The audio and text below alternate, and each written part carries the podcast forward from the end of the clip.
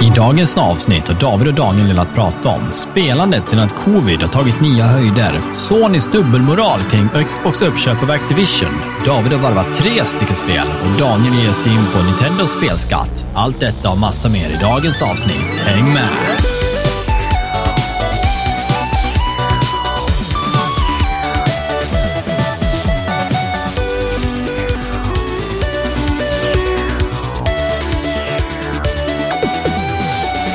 Hur är läget allihopa? Välkommen till ännu ett avsnitt av Allt under kontroll. Podden där inget är under kontroll och era källa till nyheter, spelreviews och underhållning varje lördag. Jag är David Sjöqvist och med mig har jag min co-host och bror Daniel Jesaja Sjöqvist.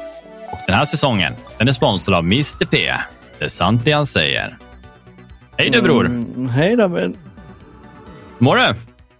Jag, jag har lite migrän, men vi ska väl ta oss igenom det här ändå. Ja, men som, sagt, det, det, det brukar gå bra till slut. Det bultar i mitt vänstra öga. Ja, tur att inte båda ögonen då. Nej, men jag har tagit både, eh, både Naproxen och Trio och Ipren så att jag är fulladdad med kemikalier. Ja, men precis. Däcka fint efter podden, så att säga. Ja, jag kan svettas lite, men det löser sig. Men du, eh, på tal om podden. Eh, vi har ju en eh, nyhet, en eh, tråkig sådan. Mm. Våran co-host Marcus Karlsson, känd Macke. Eh, han kommer gå ifrån podden ett tag på obestämd tid. Han har ju det är lite så personliga skäl, lite saker att eh, ta vara på och liksom göra under vardagen. Då, så det, det blir tajt med tid helt enkelt. Så Mm. det är du och jag som kommer köra tåget framåt framöver. Ja, jo, precis. Och han är ju välkommen tillbaka när han vill. Eh, Och om han vill vara med på något, något avsnitt här och där så får han ju det. Men han Ja, har bestämt precis. att han vill ta en paus eh, för att fokusera på annat. Mm. Ett litet Ja. tag. Nej, djupare så behöver vi inte gå, men vi är som sagt tacksamma för att få ha haft han och eh, vi hoppas att han kommer tillbaka sen med energi och glädje någon gång framöver. Mm, och passion. Eh, ja, och passion. Eh, nej, men vi har ju som sagt lite ändringar som förmodligen kommer ske. Eh, Mm. Det är svårt kanske, vi har inte riktigt planerat allting till eh, punkt och pricka, men vi kommer förändra lite layouten. Vanligtvis så brukar vi prata lite om vad vi gjort och vad vi har spelat sånt där direkt i början. Nu kommer vi gå in lite mer på våra vardagliga saker. Eh, Vi tar vidare på nyheter och sen gå in på vad vi har spelat eh, Mm. eller kollat på för filmer och sånt där. Då.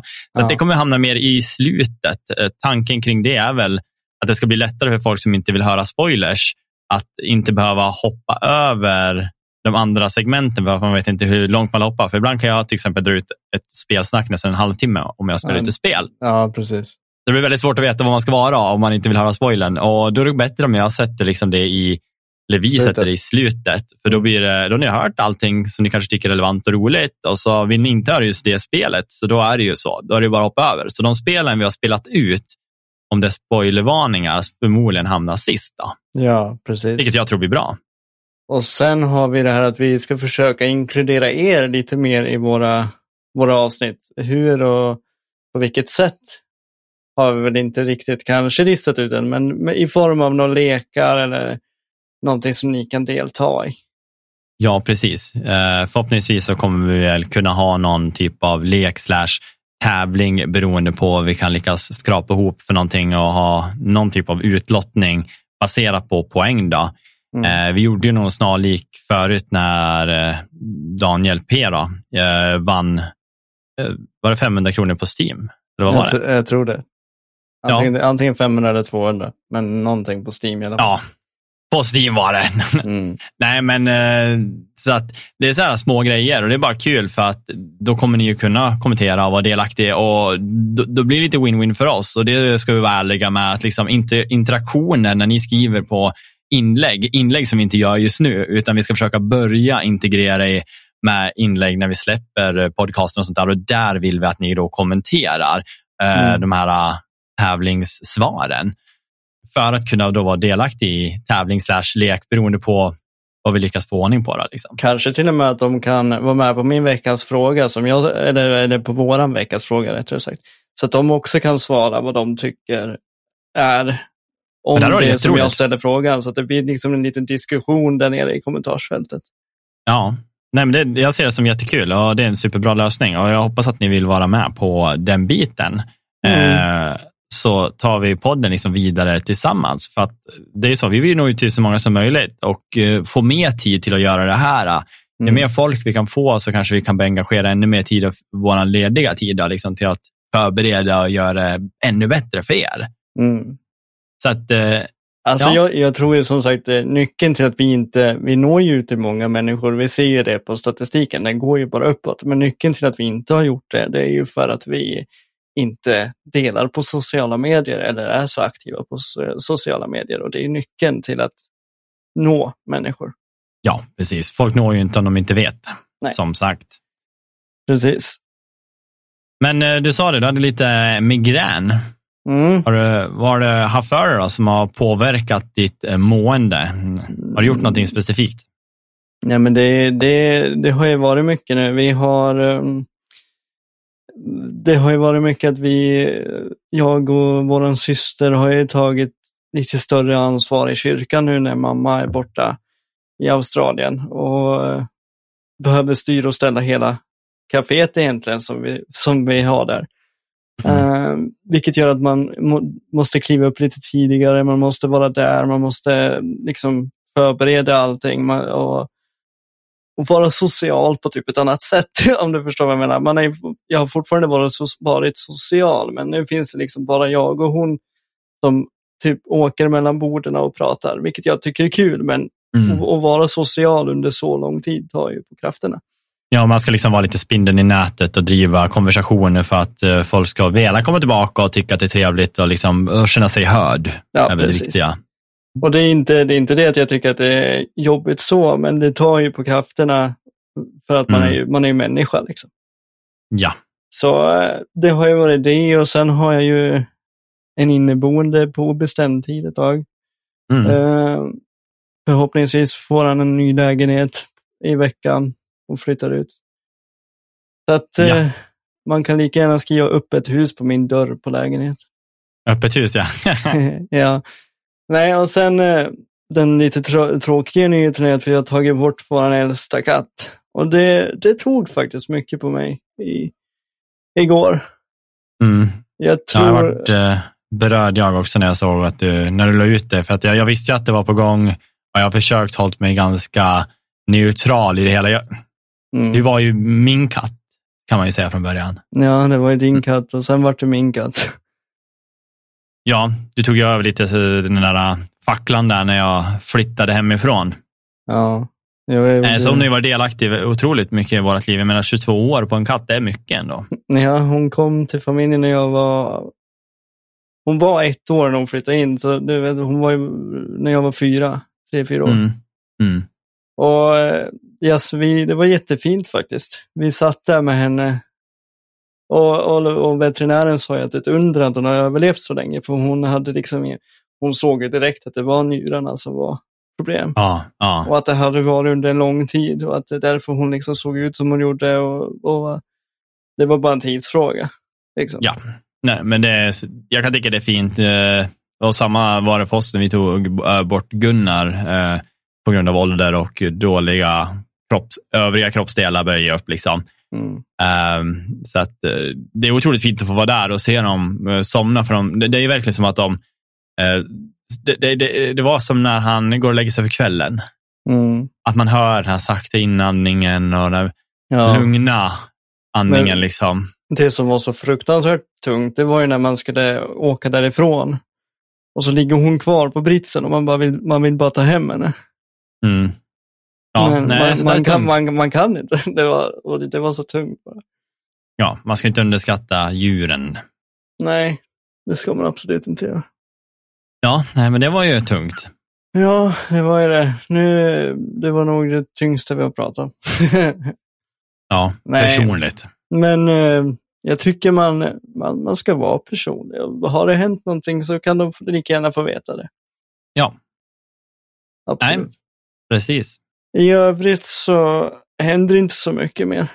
Eh, faktiskt. Inte privat så, Nej. förutom det gamla vanliga. Yes. Hur ser det ut för dig då? Ja du, jag har ju haft en jobbig vecka. Jag har ju varit dundersjuk och hostat och feber och snövlig. Och allting började med att Stina var sjuk för tre veckor sedan ungefär och så, sen var Susanne sjuk och jag bara, fan vad skönt att jag inte varit sjuk. Och sen vart Mm. jag sjuk och nu är Stina sjuk. Ja, just det. Så att eh, det går runt här. Man märker nu när man har barn att Mm. eh, sjukdom finns i hemmet. Ja, jo, men så är det ju. Och det märker man ju på många av våra syskon som har barn när, när skolor börjar och dagis och, och, och hösten kommer och allt sånt där. Nej, Det- vi det- får bara hoppas att hon klarar sig lindrigare den här gången. Hon har varit lite ledsen. Faktiskt. Ja, men det förstår jag. Till och med mamma är sjuk och hon är i Australien. Jaha, är hon förkyld? eller? hon, är, hon är faktiskt riktigt förkyld. Undrar om det var jag som smittade henne då. Kan det Jag vara? var ju där precis dagen innan hon åkte. Ja, men då visste inte du att du var sjuk. eller? Nej, nej precis. Nej, men eh, det skulle ju kunna varit, jag vart ju det på liksom kväll, morgonen sen. Liksom. Mm. Ja. Så det är mycket möjligt. Men eh, ja, nej, annars så har det ju, jag går tillbaka till jobbet eh, från att ha varit sjuk. Mm. Eh, var bara där en dag, sen var man ledig två nu då, så att imorgon blir det tillbaka och hugga i över löningshelg. Mm. Så det blir trevligt framåt och det är skönt liksom att ha att göra när man har gått hemma och traskat runt.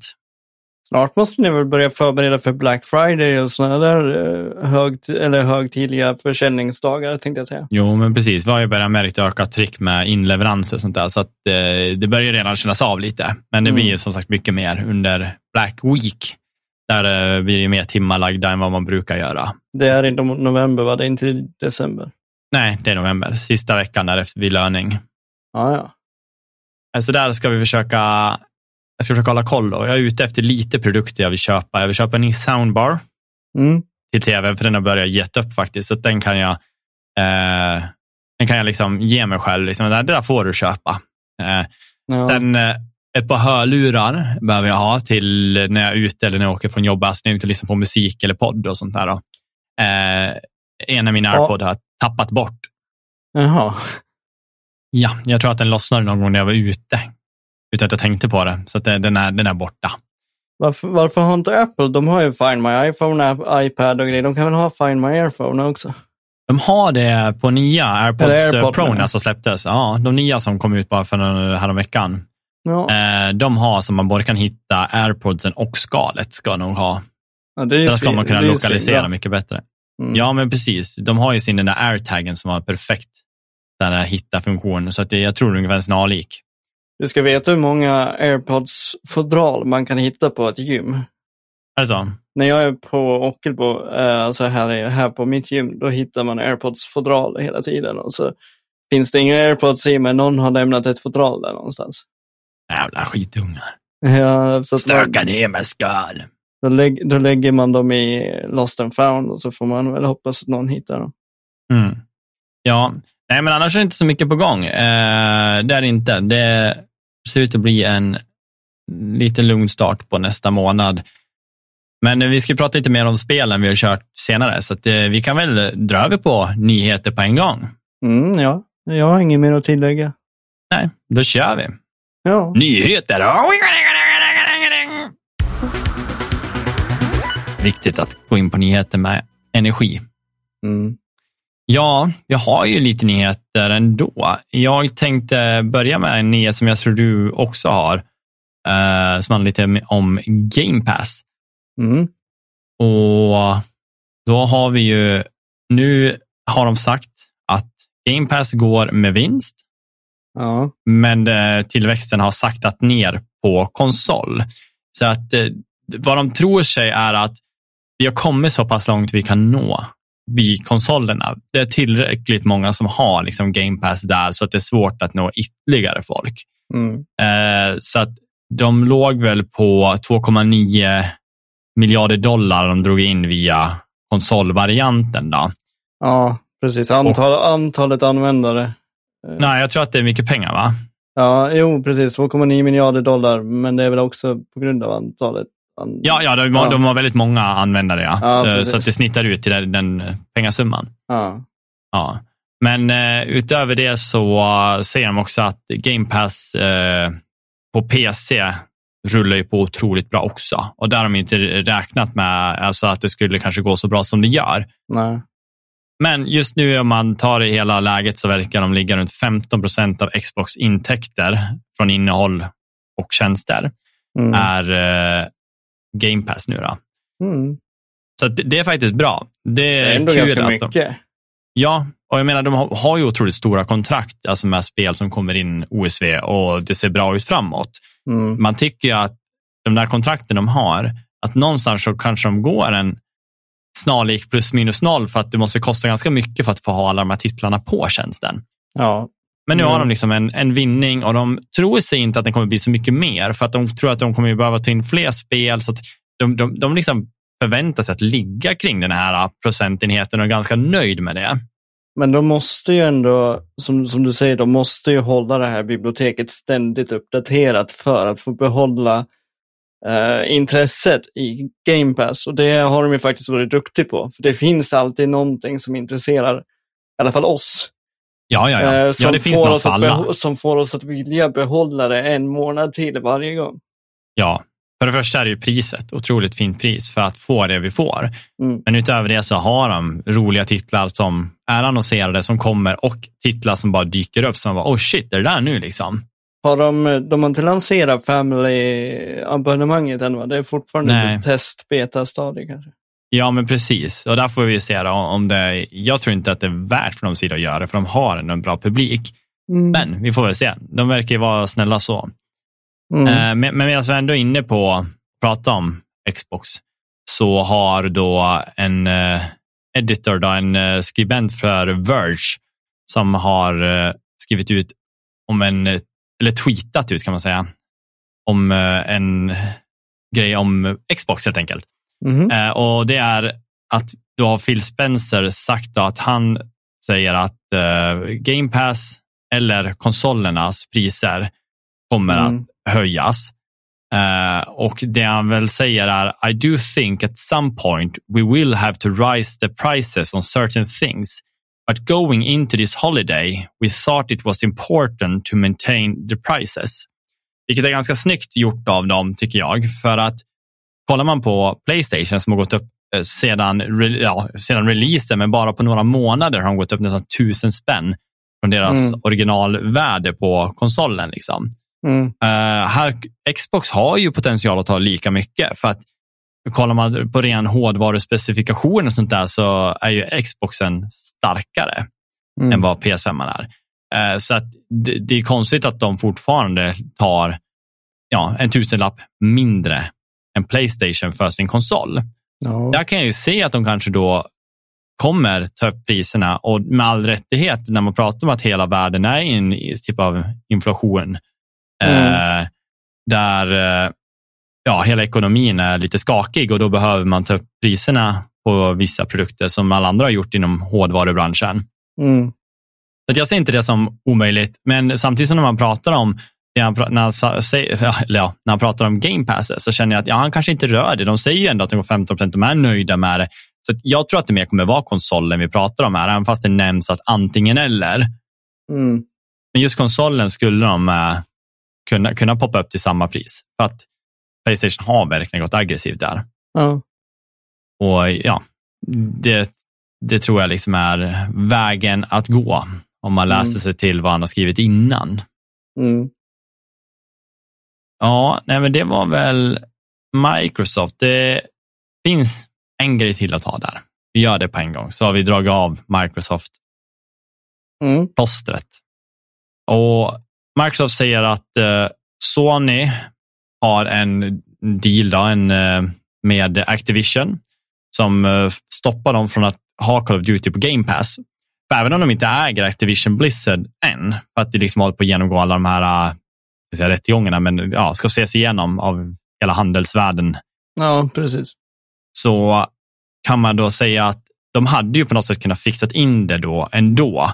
Mm. Men de kan inte för att Playstation har en agreement med dem som har skrivit på något kontrakt att de inte får lägga ut den på Game Pass-tjänsten enligt vad de säger. Jaha. Eh, Och det är ju lite roligt. Mm. Alltså när Mm. Sony sitter och säger att Xbox kommer ta konsolexklusivitet. Ja, faktiskt. Och så har de själv en, en deal där med, Det är lite dubbelmoral faktiskt. Alltså, åt, eller åt det hållet. ja precis, ja nej men då så har de den där, äh, på, alltså på sin sida lagt en, liksom en deal sen förut att okej, vi- ni får inte ha den på Game Pass. Det, Det det, betyder- är vi. Betyder det att Playstation får ha det på sitt Game Pass, det, eller Game Pass uteslutet tror du? Nej, alltså de skulle säkerligen kunna ha det på sitt. Alltså, det, det handlar ju bara om att de har en deal mot Xbox då. Mm. Eh, Så att de kan ju fara på sitt, men jag antar att de skulle få betala bra mycket för att ha det, så de kanske inte ens ser det som värt. Nej. Men eh, ja, det är ju att se. Men jag tycker det blir lite som du säger, dubbelmoral. När man, det, det, det, det är själva den grejen de trycker på Ja. för att få det här att gå, inte gå igenom, alltså Sony. De bara nej, de får inte två, då gör, kommer de göra så här. Ja, men ni gör ju exakt samma sak, ish. Eh, nu ja, fast inte, köpa inte, inte lika starkt, men de har, det är ändå åt det hållet. Ja, och sen har ju aldrig de sagt att de ska ta bort det från eh, Sony heller. Nej. Eh, vad, vad de har gått ut med nu är ju att Phil Spencer har ju gått ut och sagt att det här spelet, jag vill se kod till och med komma till Switch. Jag vill Mm. ha det på så många enheter som möjligt. Jag vill att vi behandlar kod som Minecraft. Det ska Mm. vara liksom accessible överallt. Mm. Så att med de orden så kan det vara att han spelar bara, att han gör en 180 direkt när de har fått igenom det. Han bara, nej, vi tar bort det. Fuck you Mm. liksom.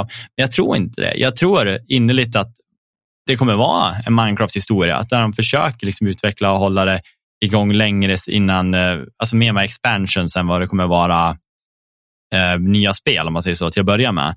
Men Mm. även att ha möjligheten att köra det från konsol till konsol med cross progression kan jag tänka mig. Mm. Det märker man bara nu när Warzone kom, alltså hur bra det har fungerat att spela över mot andra konsoler. Liksom. Det har Mm. liksom flutit på bra. Sen ser jag väl switchet är väl en hårdvaru, eh, ja vad ska man säga, dvärg där mot för Ja. de här stora jättarna. Men det kanske är mer, jag tänker mot streaminghållet där då. Eh, Mm. Mm. Så vi får väl se. Men han, han spelar ju korten rätt när han skriver ut sånt där och det låter bra. Ja.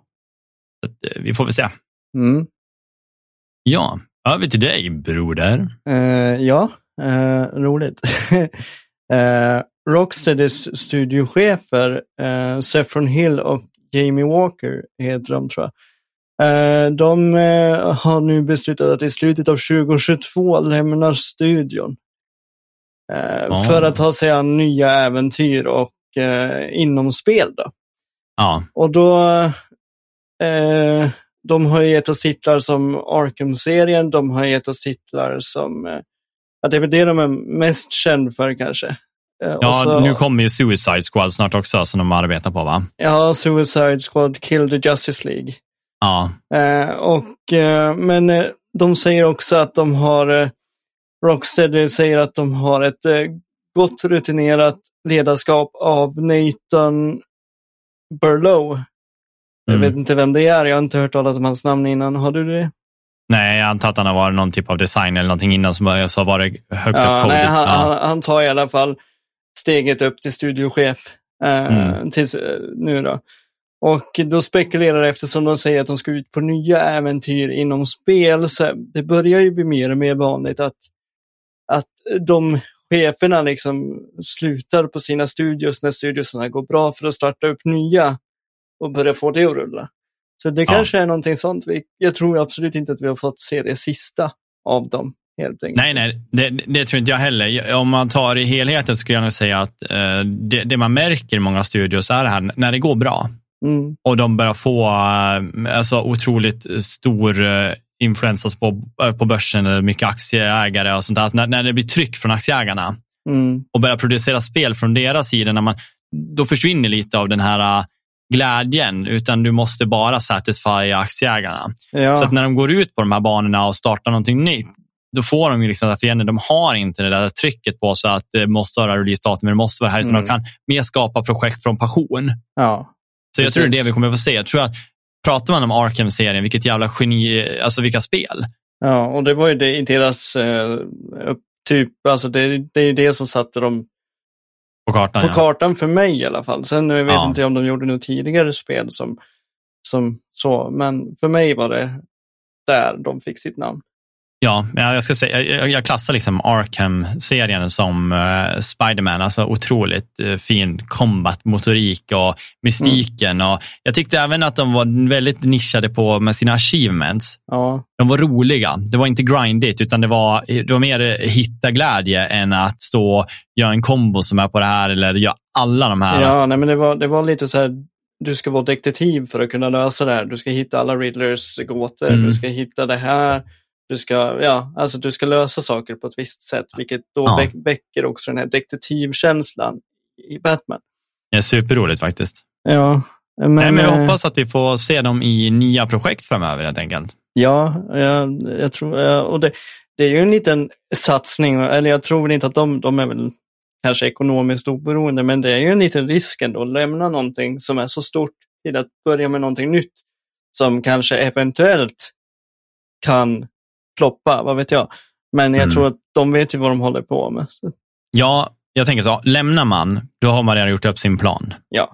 Alltså det är min Eh, tanke, jag bara att tror- de vet redan vilket, förmodligen team de vill ha, vilket projekt de är på väg mot. Och sen eh, vet jag inte dock om de lämnar tillsammans för att gå till samma projekt, men jag Mm. antar det. det, det känns väl som det, eftersom de lämnar samtidigt, tänker jag. Mm. Nej, men förmodligen. Det verkar ju som att de har startat upp det här tillsammans. De är väl kanske några bästa vänner eller någonting sånt där. Som, De har nog blivit det i alla fall med åren. ja. Ja, Nej, det var, en, eh, det var en liten nyhet om dem och eh, ja, vi får se vad de tar vägen. yes. Har du lust att ta en till? Eh, ja, det kan jag väl göra. Eh, vi har ju det här att eh, The Witcher, Geralt, fyller 15 år nu.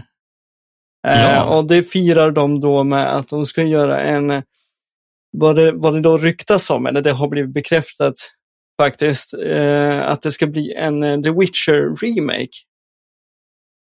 Eh, Än så länge är det obekräftat datum på det, men det finns mycket som tyder på att det kommer komma en remake inom en snar framtid. Den görs inom Unreal Engine 5 om jag förstått det rätt. Precis, och det är ju, nu kommer jag inte ihåg vilket det är som gör, det är Fool's Fool's, Theory? Theory. Ja, precis. Och de har ju gjort spel som Baldur's Gate tidigare. Ja, delaktiga i det. De var med och hjälpte, om jag det. Ja, precis. Men Mm. det, det är de som får ansvaret för att remaken ska, ska funka. Så det är ju inte CD Projekt Red som gör precis. själva spelet.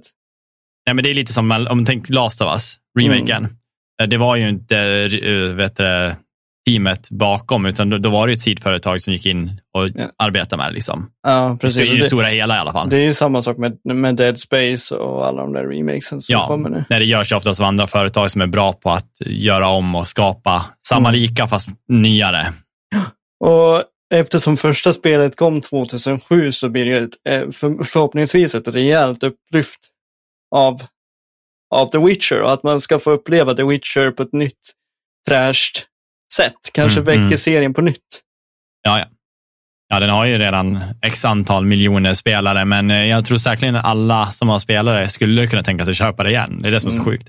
Jag började ju spela The Witcher, The Witcher 3. Jag har inte spelat tvåan och ettan, utan jag började ju på trean.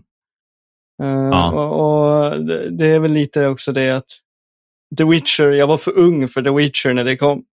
Jag var ju Nej, liksom, vad var jag, tio? Eh, så alltså att få, att få spela ettan på ett nytt och fräscht sätt, det kommer ju bli jätteroligt. För, för mig Mm. och för, jag Mm. tror också för min generation. Ja, verkligen. Spelade du Eh. The Witcher när det kom? Nej. Eller ja, jag var in en snabb. Jag kommer att jag hade köpt ny dator då, tror jag, så jag var inne och testade den för att man visste att det här är ett snyggt spel. Eh, jag tror att, eh, ja, jo, men jag spelade då, ba- bara början. Och jag Mm. vet att jag inte körde något längre. Jag vet inte varför dock, men eh, ibland gör jag så att jag bara trycker igång ett spel för att hårdvarutesta. Ja, jo.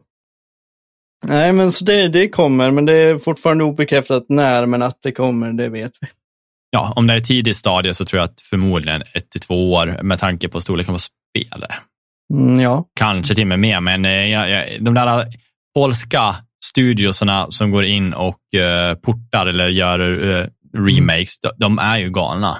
Det finns ja. ingen som producerar lika snabbt som polska studios. Och det kan ju både vara positivt och, och, och negativt. Om man tänker ja, ja. att de, de inte kanske lägger ner så mycket tid som de borde.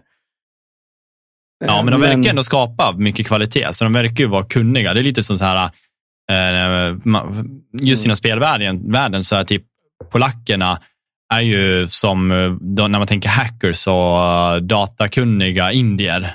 Ja, tech support indier, det, det, är ungefär så jag tänker. Eller vänta, hello and welcome to tech support.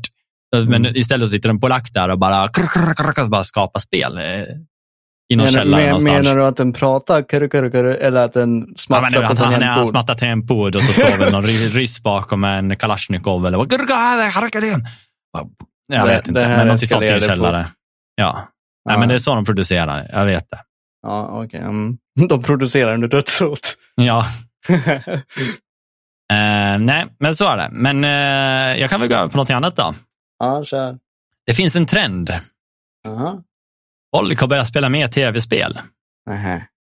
Jo, det är sant. Uh-huh. Eh, det var lite roligt eh, att kolla på faktiskt. Så, så lifetime concurrent users som Steam. Uh, och så kan man se så hela vägen tillbaka från 2004 och så till uh, ja, nu då, 2022. Mm. Och se de här uh, att det stadigt har gått uppåt. Några små svackor, men vi pratar inte stora. vi hade ett jäkla kliv vid 2020 och det var ju precis där vid covid då, kan man väl säga, när vi hade klivit över typ 24 miljoner spelare kanske det var.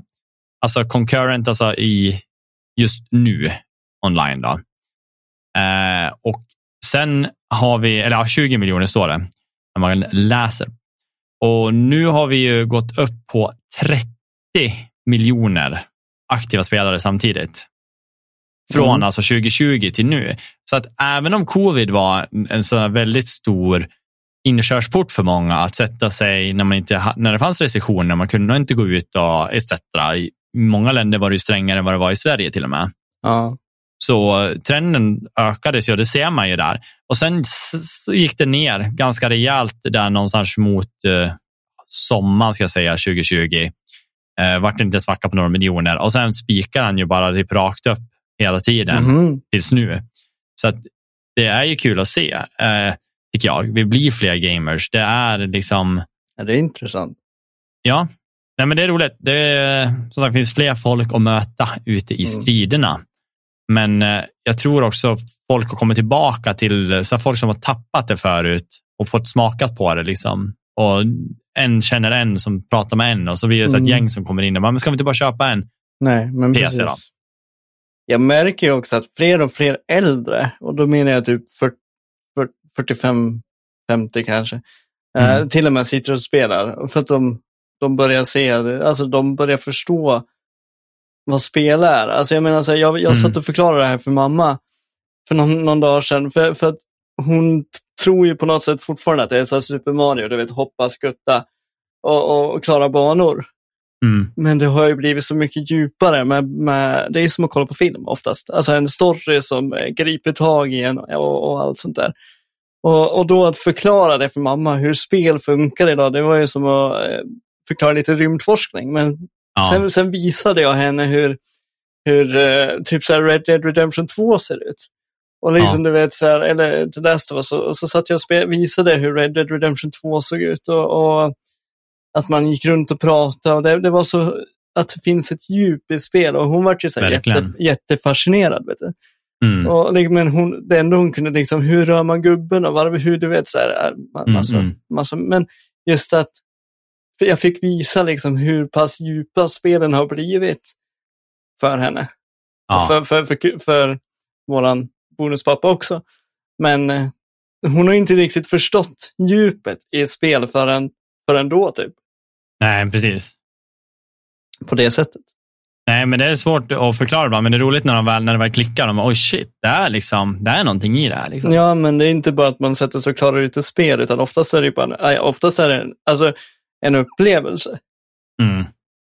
Verkligen. Och förut var ju målet liksom klara ut det här spelet, men nu är det liksom Ibland är spelen så bra att man inte ens vill klara ut dem, förstår du?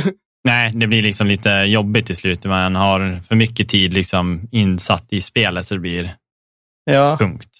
ja men precis. Ja, men har du någon till nyhet du eller?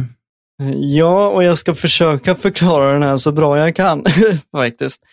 Eh, det sägs att de ska ändra fighting-systemet i, eh, i God of War Ragnarök så att det ska bli lite enklare att förstå hur fienderna funkar och vilket mönster du måste använda.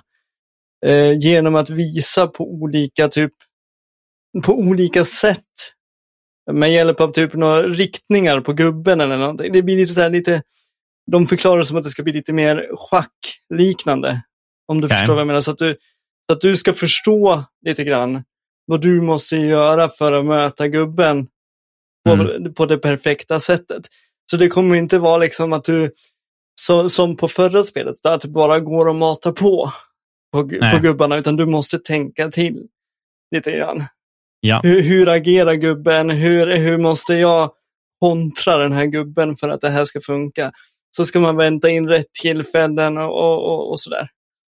Mm. Eh, och på så sätt så, så ska det ju bli lite enklare då. då.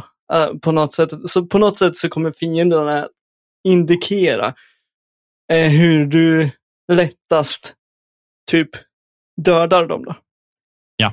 Eh, genom, ett, genom att visa på något sätt. Jag vet inte riktigt hur, men på något sätt kommer de visa och du kommer att förstå liksom att så här måste jag göra. Ja, nej men precis. Vilket är ganska, eh, förut har det ju varit mata på, men det är också det att nu måste man också kanske tänka till lite hur man ska kontra och hur man ska möta gubbarna. Förut Ja, har det ju bara varit den här, du vet, block och slå och mata Mm. på. Nu kanske det är lite mer, ja men den här måste jag springa runt och slå i ryggen eller ja du vet. Mm. Så. Ja, men det kan bli lite- hur bra som helst. det blir lite, lite roligt sådär, tror jag. Det var en väldigt liten nyhet, men det var också den Ja, men sista. ändå trevligt. Det är snart aktuellt med, med det. Det kommer väl ut den 9 november, va? Om jag inte missminner mig. Eller 8 kanske. Ja, precis. Och jag har ju förbokat det, så jag är fullt redo. Du är set for life. Ja, i alla fall det är ju 14, vad sa de, att det skulle ta 30 timmar? Ja, och så får jag vänta ett år innan jag kan spela det. Eller så kommer de till mig. Ja, ja Jag det ska tror- jag kunna göra. Jag tror Någon att dag. det ska vara 120 support. Ja, det stod så. Ja, då kan du komma hem till mig, vet du. Det är lite roligt eh, bara att ta upp det med 120, alltså hertz-supporten att de kan köra 120 120 fps. Ja, Eh, jag tycker det är så konstigt med konsolerna just nu och jag pratade lite om det förra veckan. Men jag vet inte om du lyssnade på det avsnittet. Men eh, just det, jag själva, var inte med då. nej, precis. Men, men själva supporten och hur det har varit med spel, till exempel Gotham Knights som låser konsolvarianter till 30 fps. Ja, jag tycker det är så himla sjukt. Även om du kör på den nyaste hårdvaran. Liksom. Mm. Eh, och även på eh, Plague Tale Requiem kör också 30 fps. Så det blir lite så här, ah, varför? Liksom, har, ni har prestandan, Mm.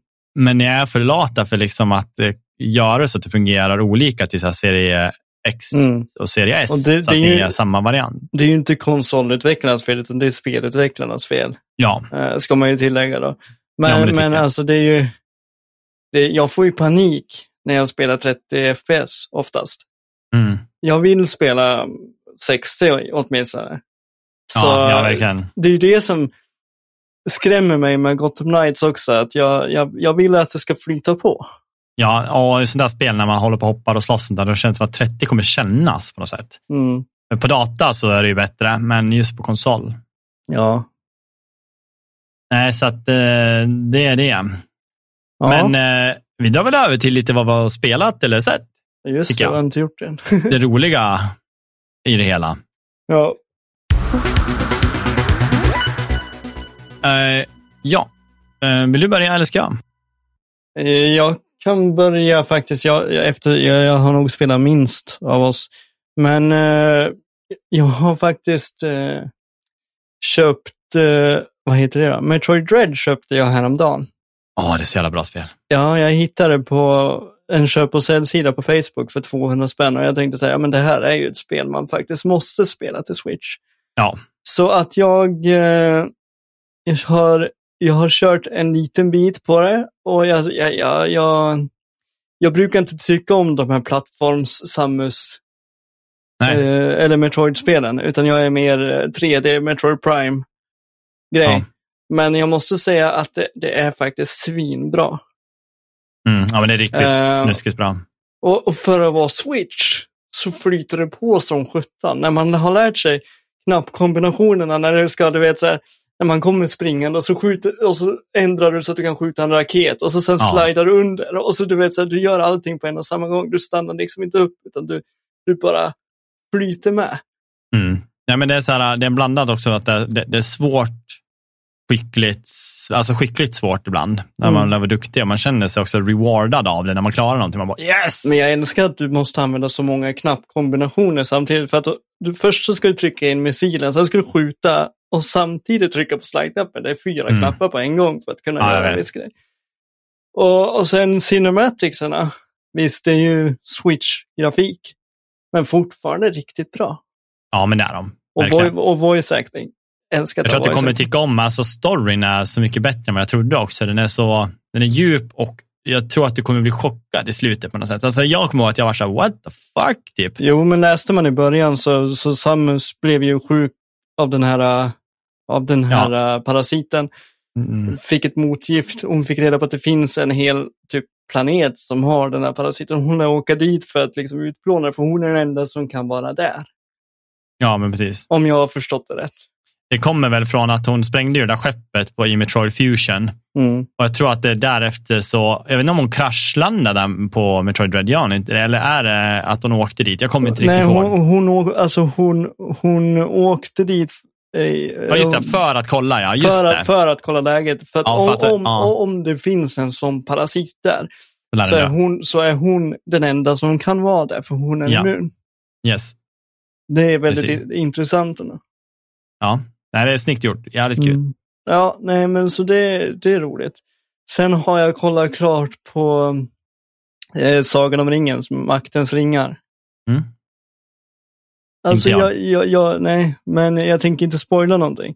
Men jag kan inte förstå varför den har sånt hat.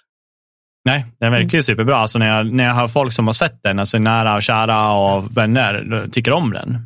Ja, men alltså går man in på IMDB, avsnitten ligger på 7,4, 7,5, för 7,4. Du vet, så jag bara, varför?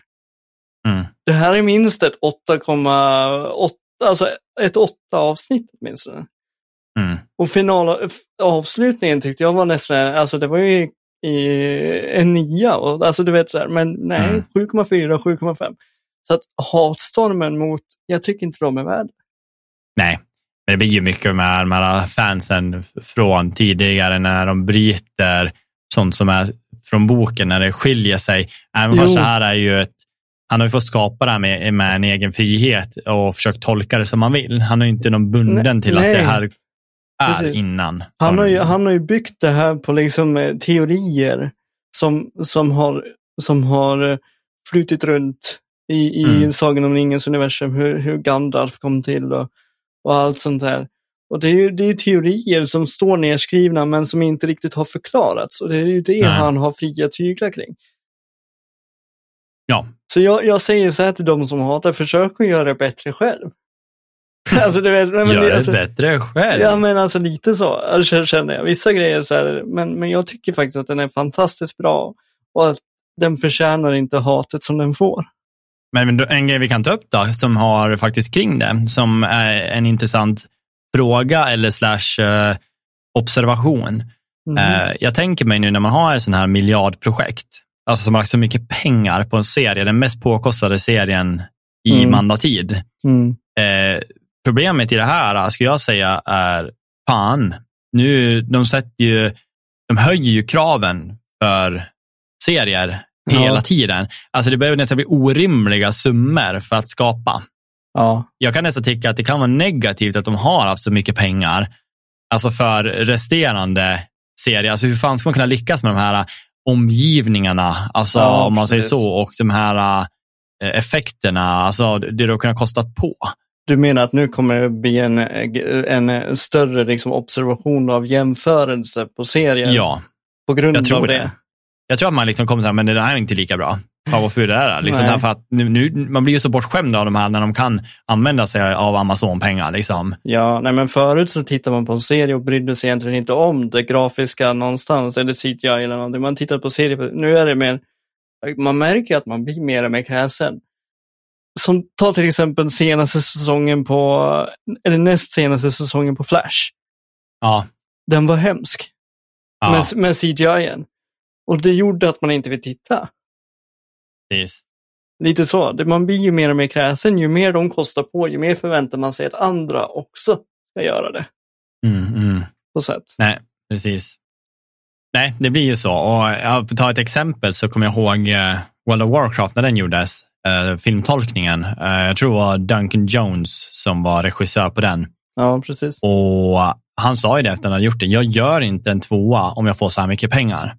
Han, han, han, nu handlar inte det om exakt samma sak, men han tycker att ha så här mycket pengar gör att jag lär kasta in pengarna på någonting. Och det, blir så här, det kan nästan bli så att man lägger till saker jag inte behöver. Alltså Mm. bara för att jag har pengarna. Eh, här är det inte helt samma sak. Här är det verkar de ju kunna gjort så. Men det kan också bli den känslan av att du bara, det blir överflödigt av det. Men, ja. När man, Men gör det- en, när man gör en film, måste man använda alla pengar? Nej, eh, kanske inte om man säger så, men jag antar att de har en budget och då ska de väl försöka hålla den då. Ja, men Eh, om de För inte skulle har... den floppa och de inte använt pengarna, då får de väl höra det istället. Liksom. Ja, så att man blir det. väl lite så här, oh shit, vad tycker de om jag inte Mm. spenderar och det blir dåligt? Ja, men sen om du spenderar och folk klagar ändå. Ja, alltså, jag det finns tänker, ju. det, det, men det är ju ett Sagan om ringen exempel. Om du spenderar så mycket pengar men folk klagar ändå. Nu klagar de inte på omgivningen. Men ändå, de klagar på serien.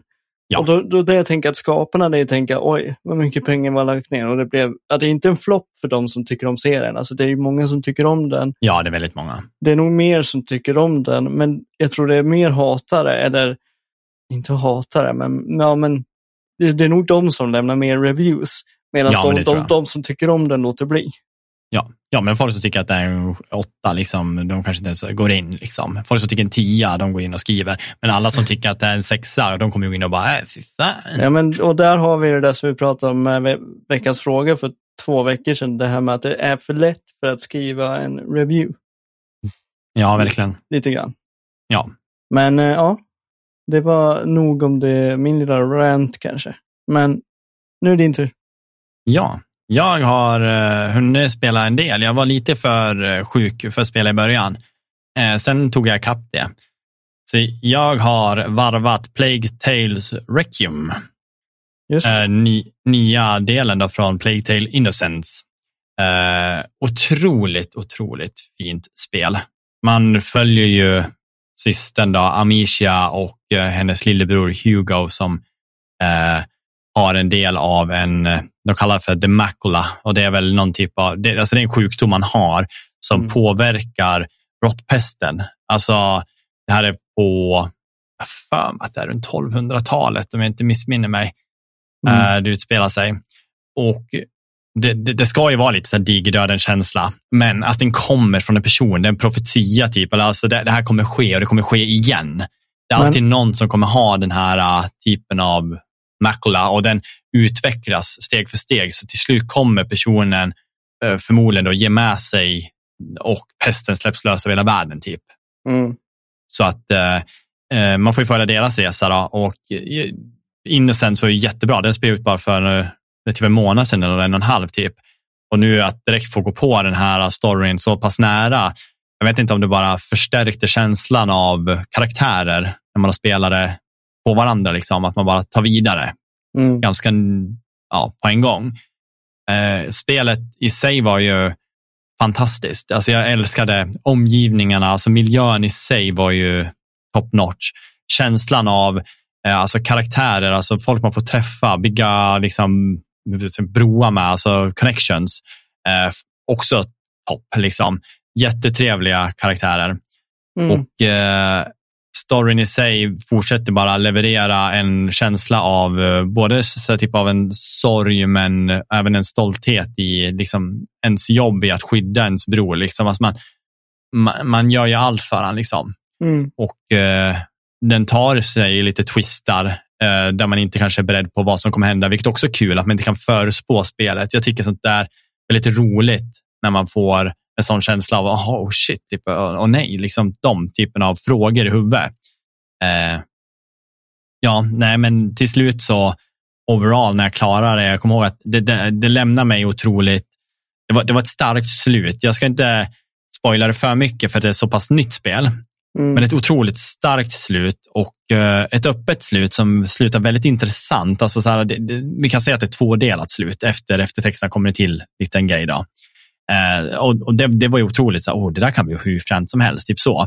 Mm. Men uh, det, det, originella slutet var berörande och jag uppmanar alla som vill spela liksom ett skönt storydrivet spel som är en linjärt pussligt, vilket är trevligt för att då vet du att du gör det mesta av din tid, ska jag vilja säga. Ja. Eh, du har inte den här öppna världen som jag brukar kunna klaga på att eh, man hamnar på de allra sidequesten. Här har du ju liksom att, ja visst, du kan utforska lite till höger där och hitta en liten collectible. Eh, det är trevligt. Men det har inte att du kan försvinna och börja få nya alltså quester som inte är dina. Alltså så här quester som du bara dyker upp. Utan nej, du, det här är ditt objektiv. Du ska gå här. Mm om det är någonting jag kan ge kritik för, och det är inte bara kritik, utan det är en grej som höjer spelet samtidigt som det sänker spelet. Uh, och det, det, här är nog bara för mig, men jag känner att ett spel som jag inte kan röra mig så snabbt jag vill i, för att ibland går man och så hamnar man i en konversation mm. och då saktar gubben ner och går man går liksom och pratar och det går in i den här staden och bara så här, men man vet att jag ska ju dit bort, varför kan du inte bara låta mig springa dit och vi pratar? Ja, liksom så här, oh, jag, blir, jag känner stress i kroppen. Samtidigt som att det är bland det bästa de gör också, så att jag, jag så delar i det, men det, det är det enda negativa fast det är positivt. Och det är att effekten av konversationen lyfts av mm. att du hör den. Mm. Du är inte bara hoppar och springer och du, du kan inte liksom undvika konversationen på något sätt, utan du går där och bara är i nuet. Och det mm. är ju otroligt bra. Det tycker de fångar med det där. Och de fångar också det här lugnet före stormen, att man det är inte alltid mm. hektiskt, utan Nej. upplev det här, kolla på det här. För oftast är det när det är en fin vy eller när man upplever en typ av glädje, att här mår vi bra just nu. Mm. Det är då det blir en sån konversation, en lite så djupare connection. Mm. Liksom. Och mm. jag, jag, tycker de binder det så fint. Så det är det enda negativa, men jag också värderar det otroligt positivt. Ja, jag märker att, att du tycker inte om att känna dig fast i, i spel, som att du har lite klaustrofobi. Ja. Uh, det heter så, va? Bra. Ja, ja, i alla fall. Uh, för att varje gång det kommer något moment, det var samma sak i True Colors, Dying Light uh, och ja, nu i det här, att du, du vill göra någonting men du känner dig fast. Har det någon koppling till verkliga livet? Nej, jag tror inte att jag har klaustrofobi, alltså om man tar det i termen. Men ja, ibland så kan jag känna mig att eh, när jag vet vad en person ska säga så kan ja. jag känna mig stressad, men säg det bara. Säg, alltså, kom fram till punkten. Alltså, så att ja, det har nog med ett visst eh, Eh, alltså så, i, i verkliga livet. För ibland så är det folk som drar en långdragen story och så blir man så alltså det här är så onödig ja, information. Fast, fast Säg inte det. behöver vara det. Nej, men precis. Du, du, kan bara säga slutet, för det, det, det enda mm. jag vill veta vad det här, men du behöver inte dra hela från nej. A till B. Liksom. Säg bara. Nej, nej, men precis. Men vi är ju väldigt så i vår familj också. Att vi vill att det ska vara kortfattat och vi vill rakt på sak. Vi behöver inte ha massa information runt omkring, utan säg som det är Ja, men ändå är det roligt, för att jag kan ju vara den som pratar mest. Ja. det går inte tillbaka på mig, men just hur jag tänker kring andra så är det liksom, mm. hallå, kom ja. till slutet. Nej, så jag tror att det hör ihop, absolut.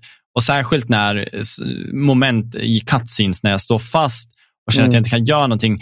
Och särskilt det var det, som du säger, Dying Light var ett extremt dåligt spel i det. För att eftersom de inte hade någon mocapat, alltså deras scener de pratade ger ingen känsla, det kändes väldigt dött. Karaktärerna, eh, man får inte den här grejen eh, av att det känns som att det är bra voice-actat och liksom hela den biten och att de har mm, gjort animationerna bra på liksom ansiktsrörelserna. Så du står liksom och kollar på en tråkig bild, liksom, bara, ah, där står han och gör det här. Men ändå kan jag inte röra mig eller ändå kan jag inte gå ifrån det. Jag, blir liksom, jag går bara och så händer ingenting. Typ.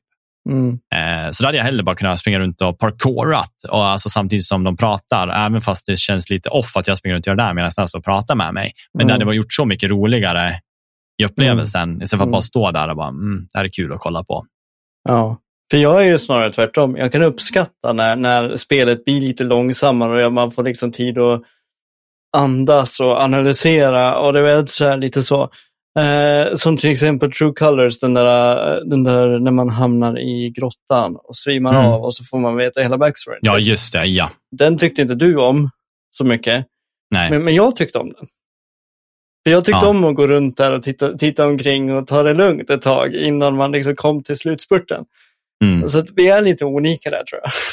Ja, nej, jag, jag, jag har väldigt svårt att uppskatta sånt där, fast jag ibland kan förstå varför de gör det. Men just i det här spelet, så, så, som jag nämner, det var negativt men det vägde upp för mycket bra för mig. Så jag tycker att det var bra. Mm. Men samtidigt så gillar jag inte att bli fast i en viss slow pace movement.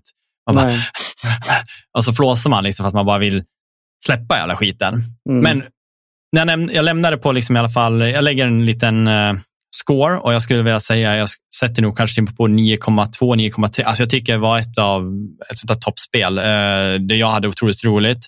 Eh, jag uppmanar alla som ska spela att köra ettan så man verkligen får kollen på relationen kring hela och varför det här är pågående. Eh, vilket också är ett otroligt bra spel, även fast det är gjort, jag tror det var gjort 2017, va, tror jag. Mm. Um, nej, skitbra. Mm. Men utöver det så har jag varvat ett till spel hur hinner du med allting? Du har liksom legat sjuk nästan. Ja. ja. Jag har fått igång Martha is dead.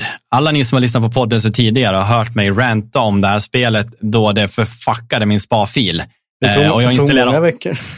Ja, månader. Månader till och med. Ja, och jag installerar om datan. Jag har gjort allt med sparfilen, den som är korrupt. Och jag har inte orkat kört om spelet för att jag vet att det kommer, eller jag vet, jag uppleva att det kommer vara exakt samma känsla. Så att eh, det som skulle vara skräck, alltså, eh, ja, det man ska bli lite spooky about, liksom, det mm. kommer vara detsamma. Så jag kommer inte bli det. Så jag kommer bara få springa igenom tre, tre och en halv timme av speltid som jag bara kommer känna lite eh, till. Även fast det var där och då var ju bra. Mm. Men jag tror inte det hade varit kul att spela det igen.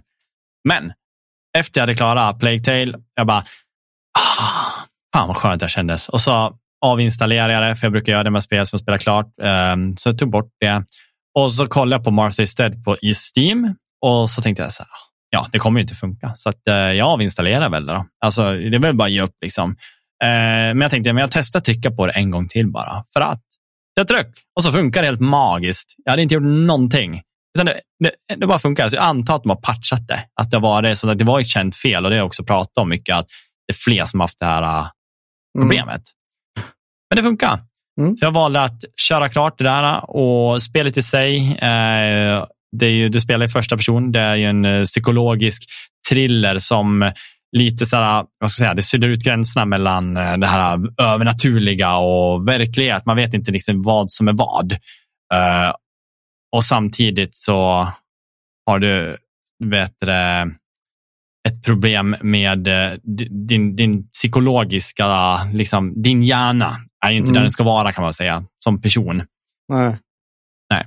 Så att, eh, men det är ju spelas under eh, andra världskriget, det är mycket med, ja, där med Hitler och hennes eh, pappa som är under ja, lite högre rang då, i armén där, samtidigt som du har lite split mind kring det här mm. som händer.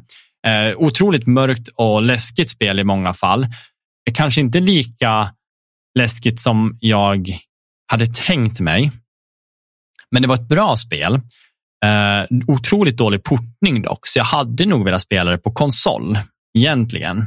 För att det gjorde sig väldigt dåligt på data många gånger. Jag vet inte om det är på grund av Windows 11 eller om det är på grund av någon hårdvarugrej. ingen aning, men jag tyckte att det stuttrade och det var eh, kameran höll på att hoppa och hade sig och det var väldigt mycket buggigt som var tråkigt. Så det förstörde en del av den här upplevelsen.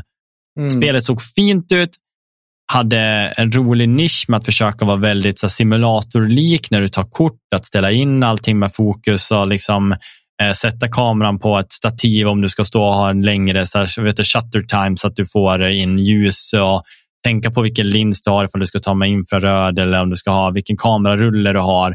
Du kan liksom göra hela kittet på den här eh, kameran. Vad roligt.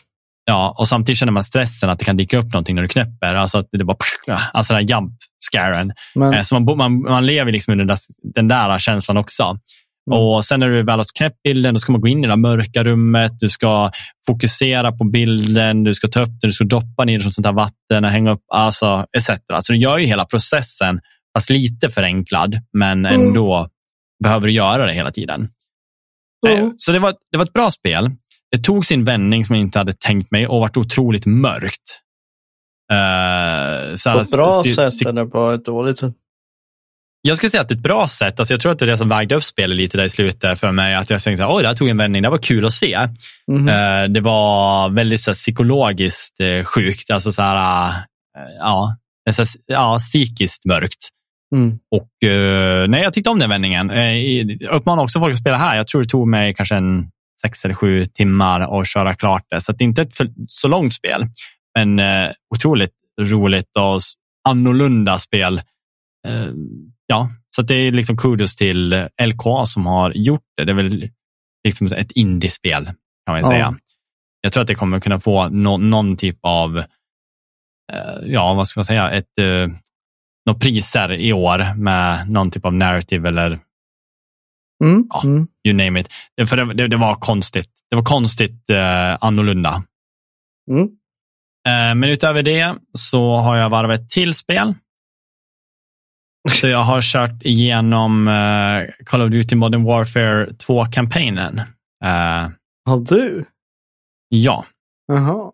Och den var faktiskt jätterolig. Uh, det kanske inte alla som kommer tycka det, men jag tyckte att hur de binder ihop de gamla karaktärerna från tidigare spel uh, får komma in, som Ghost och Price och etc.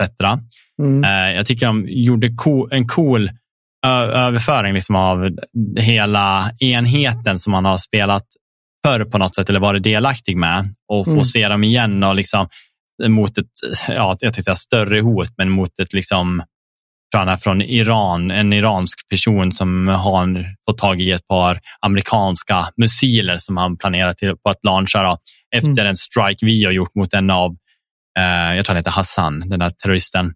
Men vi typ njukade dem. Ja, Hassan. Ja. Jag tror att vi eh, eh, i början av spelet så njukar man då eh, en känd profil då, som är inom någon terrorgrupp och efter det här så skapas den här uh, lilla uh, grejen att de vill hämnas. Då. Uh, och det kommer fram att det är amerikanska missiler som är på vift, då, vilket mm. inte ser bra ut. Uh, och det är väldigt mycket så här korrupthet. Men varje mission är väldigt annorlunda och utspelar sig på Eh, såhär, nya, säga, det nischar ut sig på, liksom, nu är du sniper, nu kryper du höga gräs, du ligger och du har långskott och du har hela den där biten. Eh, nästa mission då är det typ som en prison break och du eh, mm. har hand om övervakningen och mer hoppar mellan kameror och talar om vart typ Ghost ska gå mer taktiskt. Aha. Där du inte har så mycket där du skjuter utan nu kan du gå på knivarna, gå upp för den där nu, ha sönder den där och så bara får du han att gå runt liksom och göra allting du vill. Mm. Eh, så jag tycker liksom variationen gjorde det väldigt roligt att komma mellan de här platserna. Samtidigt som jag tycker att cutscenesen och allting var väldigt polished eh, och den här eh, sämjan mellan de olika teamsen, alltså att man släpper att ena är Ghost och den andra är någon mexikansk super trooper och helt plötsligt så är vi, bara, vi är ett lag. Mm. Vi är en. Så jag, jag tyckte att det var väldigt bra. Det var kul att spela. Lite frustration vid näst sista, jag säger bossen, eh, där du möter typ en pansarvagn. Eh, och jag kände att den fighten var tråkig. Jag varit väldigt punishad lätt och dog och jag kände inte att det var kul. Alltså, jag, jag förstår grejen vad jag ska göra mot den här pansarvagnen. Jag förstår mm. att jag ska mm. sönder den. Mm. Samtidigt kommer det ut gubbar som jag tycker så här, att jag blir träffad av pansarvagnen på konstiga sätt, konstiga vinklar. Jag tycker att där borde jag inte tagit skada. Eh, samtidigt som jag blir shottad av någon sån här kille med shotgun som bara bam, och så får jag börja om. och så. Eh, ja, jag tyckte bara var allmänt konstigt upplagt med hela hur soldaterna, var de kom från. Jag, jag fick aldrig någon riktig, riktigt grepp på det. Då tycker inte jag är en dålig shooter-spelare. Så att jag borde inte haft så svårt med det som jag hade. Så jag Nej. tycker att det var dåligt, eh, så dålig game design just där och då. Mm. Uh, och samtidigt sista uppdraget, uh, då hade jag också ett problem vid ett tillfälle där det kom otroligt många armored män och jag har inte tillräckligt med skott i min bössa, så då ska man ta upp ett från en fiende. Uh, men på grund av att man har liksom nått en checkpoint så när jag dör så får jag spana precis där när alla kommer upp, så jag har ingen tid att göra den här ändringen heller. Eh, Nej. Så den checkpointen gjorde mig lite fuckad. Så det kom upp folk från ena trappen och andra trappen och var otroligt mycket armored personer. Och då blir jag arg, för då har man en kille med sig. Då. Jag tror det är Price man har med sig. Och han är ju en av de här bästa agenterna man har. Mm. Men han kan ju inte döda någon. För att det är så typiskt sånt där spel när han står och skjuter bara lösa kulor för att det ska verka som att han skjuter, känns det som. Mm. Eh, Så många gånger då står han liksom bredvid mig, ba- alltså bakom mig och jag står och skjuter framme. Helt plötsligt så står en, liksom en soldat och pumpar en shotgun i sidan av mig. Man bara, men varför skjuter inte du på Ja, ja, Varför, kan, var, varför han ja, Jag var så arg så många gånger. Alltså jag dog x antal gånger. Jag dog säkert åtta gånger där för att jag...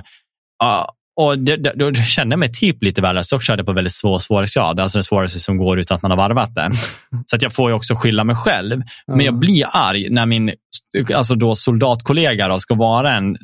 I sådana fall får ni lämna mig själv. Låt han inte vara där. Låt han hålla på med någon uppgift in i en dörr där han håller på att hacka någonting så att han inte kan vara med och skjuta. Ja, jag så, så, att det, så att det mer är logiskt att han inte kan skjuta. Ja, ja, Ja. verkligen. För problemet nu är att ibland så träffar han någon. Men just Mm. att han kan släppa förbi en soldat som står och skjuter en shotgun och den starka typen, så han, han one-shotar ju mig. Och han Ja. inte skjuter skott på honom. Man bara, men hur? Varför är den där där? Alltså på något sätt lös det där. Låt, låt han fokusera om om det kommer någon nära. Så att jag i alla fall hör skottet gå av mot han så att de börjar få lite gunfire så kan jag vända mig om. Nej, nej. Mm. Han bara springer förbi han som ingenting och så bara, ja bra. Ja, han ska vara en super soldier liksom. Mm. Nej. Så lite negativt i vissa spelmekaniker där. Men för övrigt en otroligt rolig campaign. Eh, om det var värt att köpa det för kampanjen? Nej, kanske inte. Det är väldigt kort.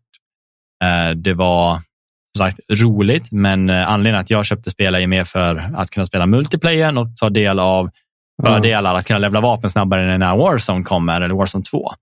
Ja. Det är väl När lite därför skulle- när jag... var det det skulle komma? Tionde tror jag, no- november, om jag inte Ja. missminner mig. Nej, precis. Nej, så det var det. Det var de tre spelen jag har varvat den här veckan. Ja, eller hur. Men har du något mer? Nej. Nej, jag tänkte bara säga på sätt kan jag uppskatta att Call of Duty fortfarande gör sina campaigns. Ja. Var, varför förstår jag inte alla gånger, men jag kan uppskatta att de är där. Jag tycker mer om dem än uh, Battlefield. Även Battlefield är jävligt snygga.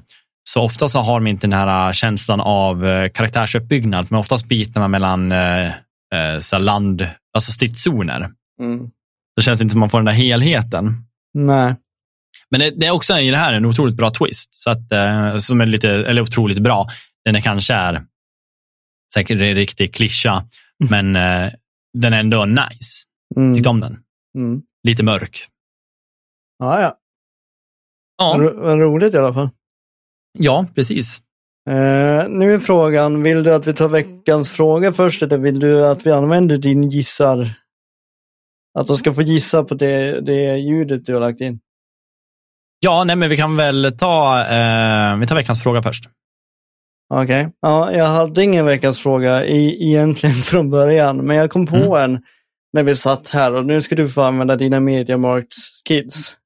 Okej. Du ska få sälja in för mig varför man ska köpa, eller ja, för, för både mig och våra lyssnare, varför du tycker att man ska köpa en dator för, för kanske, jag vet inte, 20 000 istället för att köpa ett Playstation 5 eller ett Xbox. Och så kan du göra tvärtom sen. Bara så att man får höra varför du tycker att det ena eller det andra skulle passa dig bättre. Okej, så jag ska förklara varför man eh, köper en data istället för en konsol till exempel.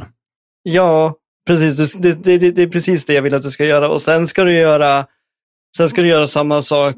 För att jag har, jag, vi började ju prata om det där med konsol och 120 FPS och då mm. väcktes den här tanken att varför ska man slösa bort nästan tredubbla priset på en dator när man kan få en ganska okej standard på en konsol som förmodligen håller längre än en dator på sätt. alltså, Mm. Mm. Nej, men det kan vi göra. förstår du vad jag menar? Ja. Jag skulle nog, om jag skulle sälja en dator till någon som eh, funderar på konsol, så tror jag att största argumentet inte bara ligger kring gaming, utan det är faktiskt möjligheten att göra annat. Till exempel, alltså bra, bra förslag. Alltså, om man ska sälja någonting så är det väldigt viktigt att gå på personliga. Alltså, jag använder min till, till exempel nu när vi spelar in podcast. Om jag streamar, jag pratar med kompisar. Det, allt sånt här är väldigt lätt att connecta ihop med alla typ man känner på något sätt. Uh, så det, det, känns väldigt lättillgängligt att använda den. Mm. Men utöver det så har ju kapaciteten för gaming uh, och då pratar vi ju just nu dyrare datorer. Alltså när du sa att det liksom över 20 000 där. Mm. Uh, och då har ju en bra prestanda. Du kommer kunna klara av spelen i många år och då är också fördelarna med att kunna tweaka spel, vilket du inte kan i konsol. Men eh, jag kan gå över till konsolen sen, men så det, det, känns ju skönt att ha den möjligheten att eh, idag är min dator den som spelar på hög eller ultra liksom, hela tiden och jag kan naila min FPS i allt. Mm. Men om något år kommer inte det vara fallet. Och har inte jag köpt en ny dator då, så kan jag börja tweaka ner vissa grejer. Jag kan dra ner skuggtexturerna, jag kan dra ner, alltså man har den möjligheten till att ställa in. Mm. Vilket gör att köpet som kostade 20 eh, kan vinna med ganska många år ändå. Eh, för, alltså för att få ut eh, riktigt kvalitetsgaming om man säger så. Mm. Men jag tror det stora ligger i det du kan göra runt om. Alltså mm. det, enk, det, enkla med att hålla på med annat. Att uh, bara du till exempel ska skriva CV eller någonting. Du, alltså, du behöver en dator till så mycket i dagsläget. Mm. Även fast du kan göra mycket på mobilen, men det är inte lika alltså, Jag tycker aldrig att det är kul att svara någon på Messenger på mobilen när man ska skriva någonting längre. Jag skriver det gärna med tangentbordet. Alltså det känns mer, det är lättare bara. Mm. Mm. Så att, men istället så kan man gå över till konsoler som, det, det som är bra med en konsol, det är att du vet att en konsolgeneration är ungefär 6 till 7 år. Alltså mm. du, du, förmodligen konsolen kommer vara relevant och få spel som är producerade till den här konsolen. De kommer fungera yppligt, alltså så här maximerat till det det ska vara hela mm. tiden. Mm. Du har inte det att du behöver ändra inställningar. Så för en person som inte är engagerad och orkar gå in i settings, att bara vill att det ska funka, då är ju konsolen det bättre valet. Mm. För att det kommer alltid bara rulla på som det är. Nu har det ju börjat kommit eh, förslag, alltså där performance kontra quality, när du kan få lite extra FPS i dina spel på konsoler. Mm. Där har man ju vinningen av att köra en, alltså en konsol för att förenkla. Liksom, det är bara två val. Antingen kör du här eller det här. Vad vill du ha? Är du en competitive? Ja, men då vill jag ha eh, performance för quality. Mm. Du har liksom bara två val du kan inte hålla på att tweaka allt. Liksom. Du behöver inte mm. hålla på och kolla på videos för att förstå hur du maximerar din dator. Nej. Och det, du kan inte göra fel när du köper spel. Det kommer funka. Liksom. Mm. Så jag ser fördelen i konsol och när man pratar om att konsoltiden är så länge, till exempel ett Playstation nu som ligger runt 6,5. Mm. Då kan man tänka sig att det är ungefär en tusenlapp om året. Medan oh. datan, det kommer jag förmodligen behöva byta ja, kanske om sju år. Det blir ju nästan ja, 2 500 till 3 000 kronor året. Så det är mycket billigare att hålla sig uppdaterad med konsolgenerationerna mm. och bara fortsätta rulla. Så där, där, har vi ju då valet att skulle man alltså, sälja in en data så är det ju av argumenten vad du kan göra. Men mm. oftast så är det mer att man måste rikta sig mot är du en person som vill ha det lätt för dig och ha billigare liksom, uppdateringskostnader när det väl blir dags. Mm. Då är det konsolen. Nackdelen med konsolen är att du alltid får nästan betala nypris för spel. Fördelen ja. med dator, det är otroligt billiga spel. Mm. Så att du kan ju få många spel för typ 50 procent redan efter typ en till två månader. Alltså att det kommer någon rea på Steam eller på Epic Games som har sjuka reor. Mm. Så att titlar du kan plocka hem där som fortfarande kostar 700 spänn på Playstation Store eller Xbox. Sen finns det hemsidor som G2 eller ja, Kingwin. Kan få tag på hur billiga koder som helst. Ja, precis. Ja. Så möjligheterna, där, där, där, kan man ju äh, sa konsolkostnader versus alltså, alltså hårdvara mot hårdvara. Ja visst, datorn är dyrare, men baserat på hur mycket du spelar så kan det bli en billigare produkt på grund av att spelen du köper, ett spel kan kosta 700 kronor på Xbox eller mm. på Playstation då, och kosta 200. Så där har vi tjänat in 500 på första spelet. Alltså, mm. Man kan ja. dra det åt det hållet. Så till slut kan du ha tjänat in de här 13 äh, 000 kronorna. Det är 26 spel ungefär. alltså om man kör på samma värde. Mm. Nej, så att, det är svårt att säga, så här, vad som, man måste ju liksom utgå från alltså, kundens perspektiv i det här och vad, vad som passar en bäst. Men eh, jag tror att datan, eh, om jag lockar med den så är det bättre, alltså man kör en, lite mer, mer, mer hårdvara. För köper man dem alltså kostar under 8000, ja, men då är det så här, ja, men då tycker jag faktiskt helt ärligt att konsolen är en skönare produkt. Du kan spela mm. på 4K-tvn, köra 60-120 ibland på vissa spel. Mm. Uh, Medan köper du en data för det, du kommer inte ens komma i närheten av den performancen. Du kommer förmodligen sitta med låga FPS i CS till och med, tråkigt nog, mm. om du kör på en 4K-tv liksom och kopplar upp och förväntar dig någonting. Ja. Men uh, ja. Om vi då, om vi då säger så här, vi, vi tar bort hur mycket spel kostar på konsol och vi tar bort uh, det personliga, du, det privata du kan göra på en dator. Hade du fortfarande valt en dator över en konsol? För mig så ja. Alltså jag ser att jag kommer nog alltid behöva en dator i hemmet för det jag tycker om att göra, som det är allting från att surfa, kolla, umgås. Ja, men om vi, om vi tar bort den delen, och vi tar bort den personliga delen och bara fokuserar på speldelen. Och så tar vi, ja, bort, okay, ja. och så tar vi mm. bort priset ifrån konsolspelen, så att vi säger att de är jämna med datorspel. Ja. Och så tar vi bort ja, det personliga från en dator. Så det enda du gör på datorn är att spela. Ja. Och, och, det är samma pris på båda. Hade du fortfarande valt en dator över en konsol eller hade du, hade du nöjt dig med att ha ett Playstation eller Xbox? Nej, jag hade nog... Uh... Alltså, grejen är, då hade jag börjat luta mig mot ett Playstation bara för titlarna. För då, om det kostar samma sak på allt, då är liksom så här, då har ju Playstation-titlarna värde helt plötsligt, alltså så här, kostnadsmässigt. Jag tycker mm. att det är mm. för dyrt för dem, så att jag kör hellre data. Mm. Eh, så, men då hade jag nog kunnat luta mig mot ett Playstation faktiskt. Eh, men jag hade fortfarande nog uppskattat, om man pratar eh, hårdvara, så tycker jag det är skönare att spela med mus och tempo i de flesta spel. Så att jag upplever att den friheten vill jag ha. Mm. Jag har nog valt en dator ändå baserat på utrustning.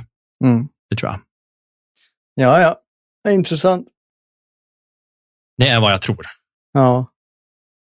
Ja, men eh, vill du svara på den eller var det mer riktat mot mig? Ja, det var nog mer riktat mot dig, men jag, jag, jag, jag kan ju svara vad jag tycker bara. Och det är ju att jag, den enda anledningen till att jag faktiskt vill ha en dator, det är för att kunna spela spelen som ni spelar här som inte kommer till konsol. Det finns en massa spel som jag har sagt, det där vill jag vara med på, och så har jag inte kunnat för att det finns inte till konsol eller så är det inte crossplay. Mm. Eller någonting sånt där det är väl anledningen till att jag skulle vilja ha en dator som ändå kan prestera bra och kunna spela tillsammans med er. Mm. Men i övrigt så skulle jag välja konsol eh, för min del. Mm.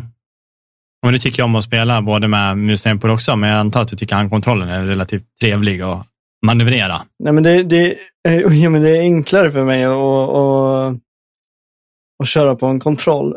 För sitter mm. jag på tangentbord och ska trycka in skift, mm. för, för, för att springa, då trycker jag helt plötsligt ner ett till finger som gör att jag gör någonting annat bara för att jag har ju inte den finmotoriken. Men, men jag, eftersom jag har spelat konsol sedan jag var barn så sitter kontrollmotoriken så inprogrammerad i min hjärna att det funkar. Mm. Mm. Eh, så det ligger nog någonting i det. Det är nog en vanesak. Ja, nej men precis. Kul. Ja, men eh, som sagt, det kan ni också svara på, vad ni hade valt. Ja, och varför. Och varför? Varför hade ni valt en konsol eller en dator? Varför har ni det ni har i dagsläget? Ja, Men, kom eh, kommentera det på vår Facebook eller Instagram. Vi, vi kommer nog lägga ut att avsnittet ute på båda. Så ja. kommentera där ni är helt enkelt, eller där ni känner. Och nu kommer ju veckans ljud. Då. Det här är från ett spel och eh, vi vill då att ni ska gissa även, skriva ner i kommentarsfältet, för att det kommer ju le leverera poäng eh, baserat på om man har skrivit rätt titel. Eh, så att sagt, gå in, skriv och så, så att alla som skriver rätt kommer få ett poäng. Är det den som skriver först som får högst poäng och så sen kommer alla andra efter? Nej, det är, eller ja, vi skulle kunna sätta att skriver först får två och sen resten på ett. Okay. For keep it simple. Ja. För i slutändan så är det att uh, hålla igång och vara med och svara efter varje, eller på varje avsnitt. Mm. Så att, och blir det någon typ av uh, lika grej, då kanske vi till med tar med er i podden i slutändan och så får ni lyssna på ett x antal och svara direkt live. Och så ser vi vem som vi krönar vinnare. Det hade varit kul. Mm. Nej, men då, vi spelar upp ljudet här och så kom ihåg att skriv. Ja, eh, det borde vara att trycka bara. Ja. Vi kör. Där var det lilla ljudet. Mm. Och om ni vill höra det igen, spola tillbaka fem sekunder. Ja. Jag tror att vissa kommer kunna gissa det här. Det är en lite svårare, men vet man så vet man, kan man säga. Hade inte jag sett vad det är för ljud så hade jag inte vetat vad det var. Nej, jag vet inte om du har spelat spelen heller. Nej, bara sett när ni har spelat det förr. Mm, nej. nej, det blir kul. Uh, fortsätt med så här, vi kanske kör andra typer av tävlingar också, så att det inte bara är gissa ljudet. Men vi vill uh, tacka för oss mm. för idag och för vår uh, framgång. nej, men vi hoppas som sagt att ni tycker om att vi har idéer och vill utveckla och göra om lite. Sen får ni alltid skriva in om ni tycker att vi ska behålla någonting eller göra någonting annorlunda eller själv har någon idé om vad vi kan ta till oss. Eh, och vi finns ju som sagt på Patreon. Där finns det allting från 50 kronor uppåt ifall man vill supporta. Då får du avsnittet direkt när det är inspelat, eh, oredigerat, oklippt. Och eh, annars så går det ju också gå in på våra tjänster ni lyssnar på helt enkelt och gå in och lägga en liten review eller en uh, tumme fem stjärna. Man tycker vi om. Det gör att vi syns och hörs och finns. Och så får vi tacka för oss och så hörs vi nästa vecka. Ha det bäst! Hej då! Hej då!